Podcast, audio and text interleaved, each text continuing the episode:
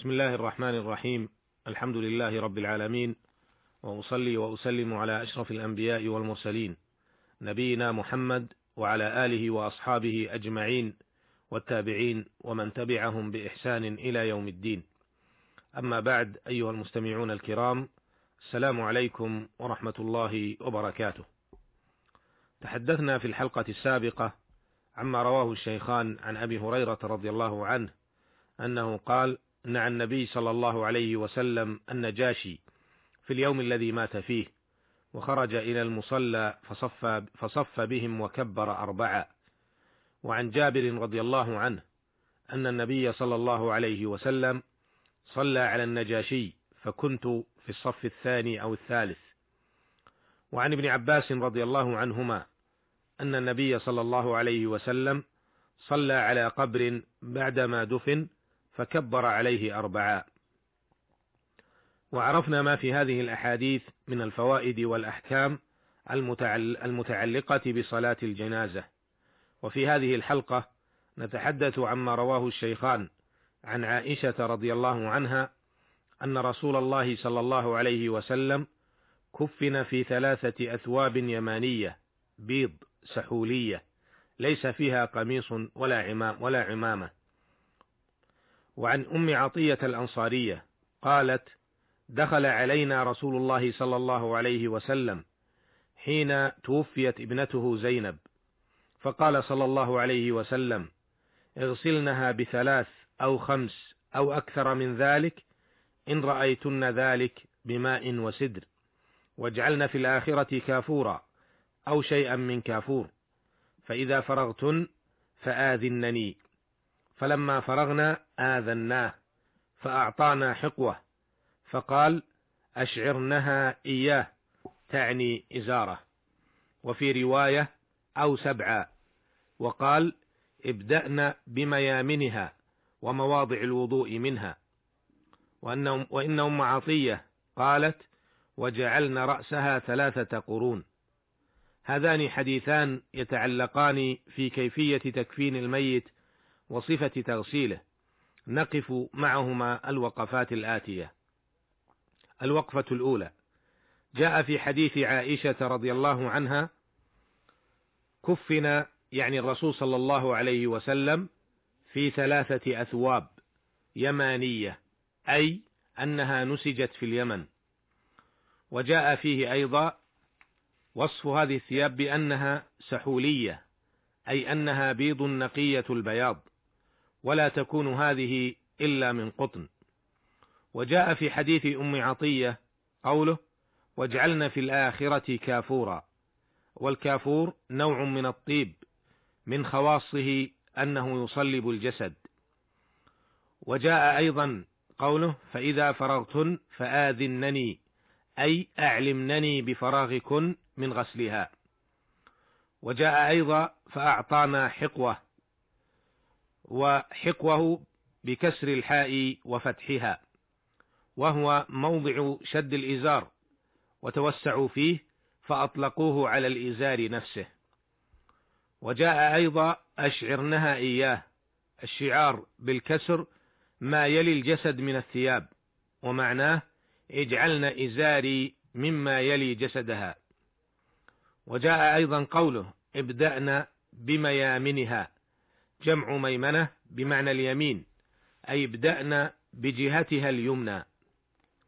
الوقفة الثانية دل الحديثان على وجوب ستر الميت وأن ستره أعظم من ستر الحي. فللمؤمن حرمته حيا وميتا. ولذا كفن الرسول صلى الله عليه وسلم في ثلاثة أثواب والمرأة تكفن في خمسة أثواب.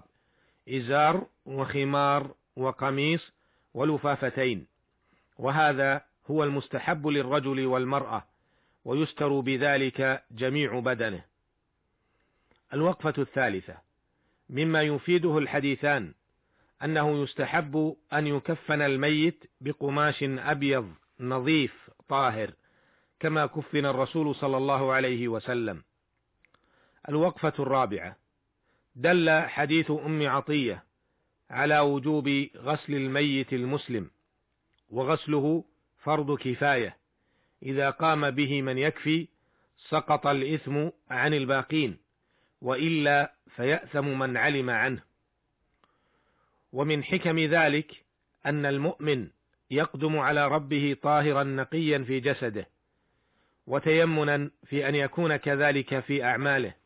وأن يعفو الله تعالى عنه سيئاته. الوقفة الخامسة. مما دل عليه حديث أم عطية أن المرأة لا يغسلها إلا امرأة مثلها والرجل لا يغسله إلا رجل مثله إلا ما استثني من جواز تغسيل الزوجة لزوجها والأمة لسيدها والعكس أيضا. أما إذا كان الميت دون سبع سنين فيجوز أن يغسله الرجل والمرأة. الوقفة السادسة.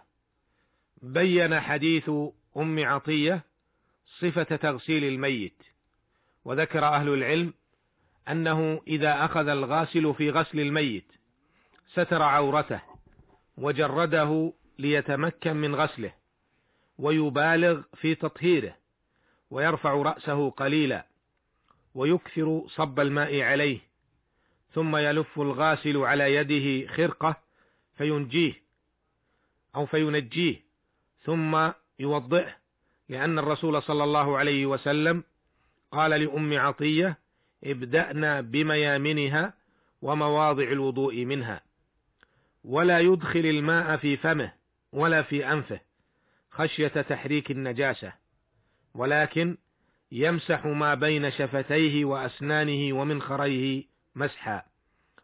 ثم ينوي غسله ويسمي بادئا برأسه ثم يغسل شقه الأيمن ثم شقه الأيسر ثم يغسله كله ثلاثا.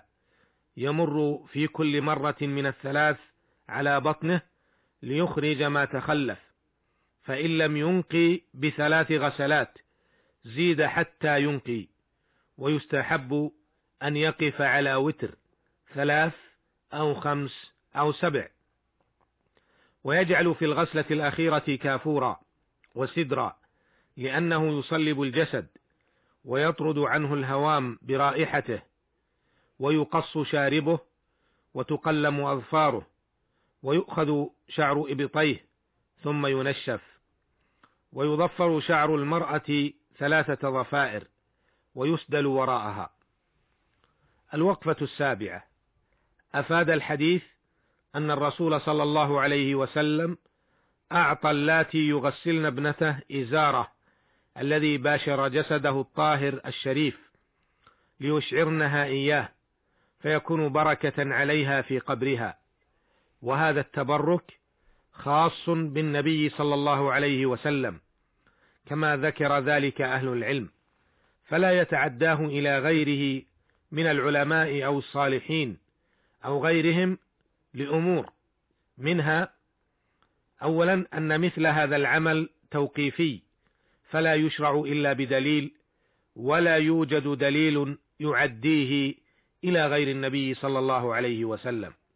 وثانيا أن الصحابة رضي الله عنهم يعلمون أن أبا بكر رضي الله عنه أفضل الأمة بعد نبيها صلى الله عليه وسلم ولم يرد عنهم أنهم فعلوا معه ما يفعلونه مع النبي صلى الله عليه وسلم من التسابق على ماء وضوئه وشعر جسده ونحو ذلك. وثالثا إن التبرك بغير النبي صلى الله عليه وسلم يكون وسيلة إلى فتنته وتعظيم نفسه وفي ذلك هلاكه. ورابعا إنه من الغلو الذي هو وسيلة إلى الشرك بالله تعالى. أسأل الله عز وجل أن يرينا الحق حقا وأن يرزقنا اتباعه وأن يرينا الباطل باطلا وأن يرزقنا اجتنابه. إنه سميع مجيب وهو المستعان.